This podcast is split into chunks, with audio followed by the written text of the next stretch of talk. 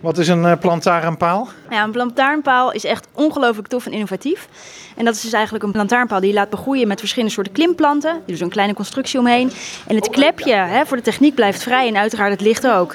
En na verloop van tijd nou ja, heb je echt bijna een boom in de straat. Dus dit is echt een geweldig idee voor die plekken in de stad die te smal zijn om te vergroenen met bijvoorbeeld bomen. En uh, de wethouder, krijgen we dan ook een uh, plantaarn spiegel? Dat is zo'n zo'n plantvak eromheen? Nou, daar heb ik nog geen concrete uitwerking voor. Maar er zijn inderdaad verschillende varianten. Dus je hebt ook plantaarnpalen met een kleine bloembak eronder. Dus uh, de keuze is vooralsnog reuze. En de commissie was vanavond positief, dus we zijn heel hoopvol. Staan ze al ergens? Ze staan in een aantal gemeenten, bijvoorbeeld in Amsterdam. Dus we weten dat dit heel succesvol kan uitpakken. En uh, in Leiden gaan ze dan dus waarschijnlijk ook wel komen, want de wethouder was zelf ook wel enthousiast, hè? Ja, dat is absoluut de bedoeling. En de wethouder zou het graag bij samen aan de slag betrekken. Dus dat betekent denk ik ook in de toekomst dat uh, de bewoners dat zelf kunnen aanvragen en onderhouden.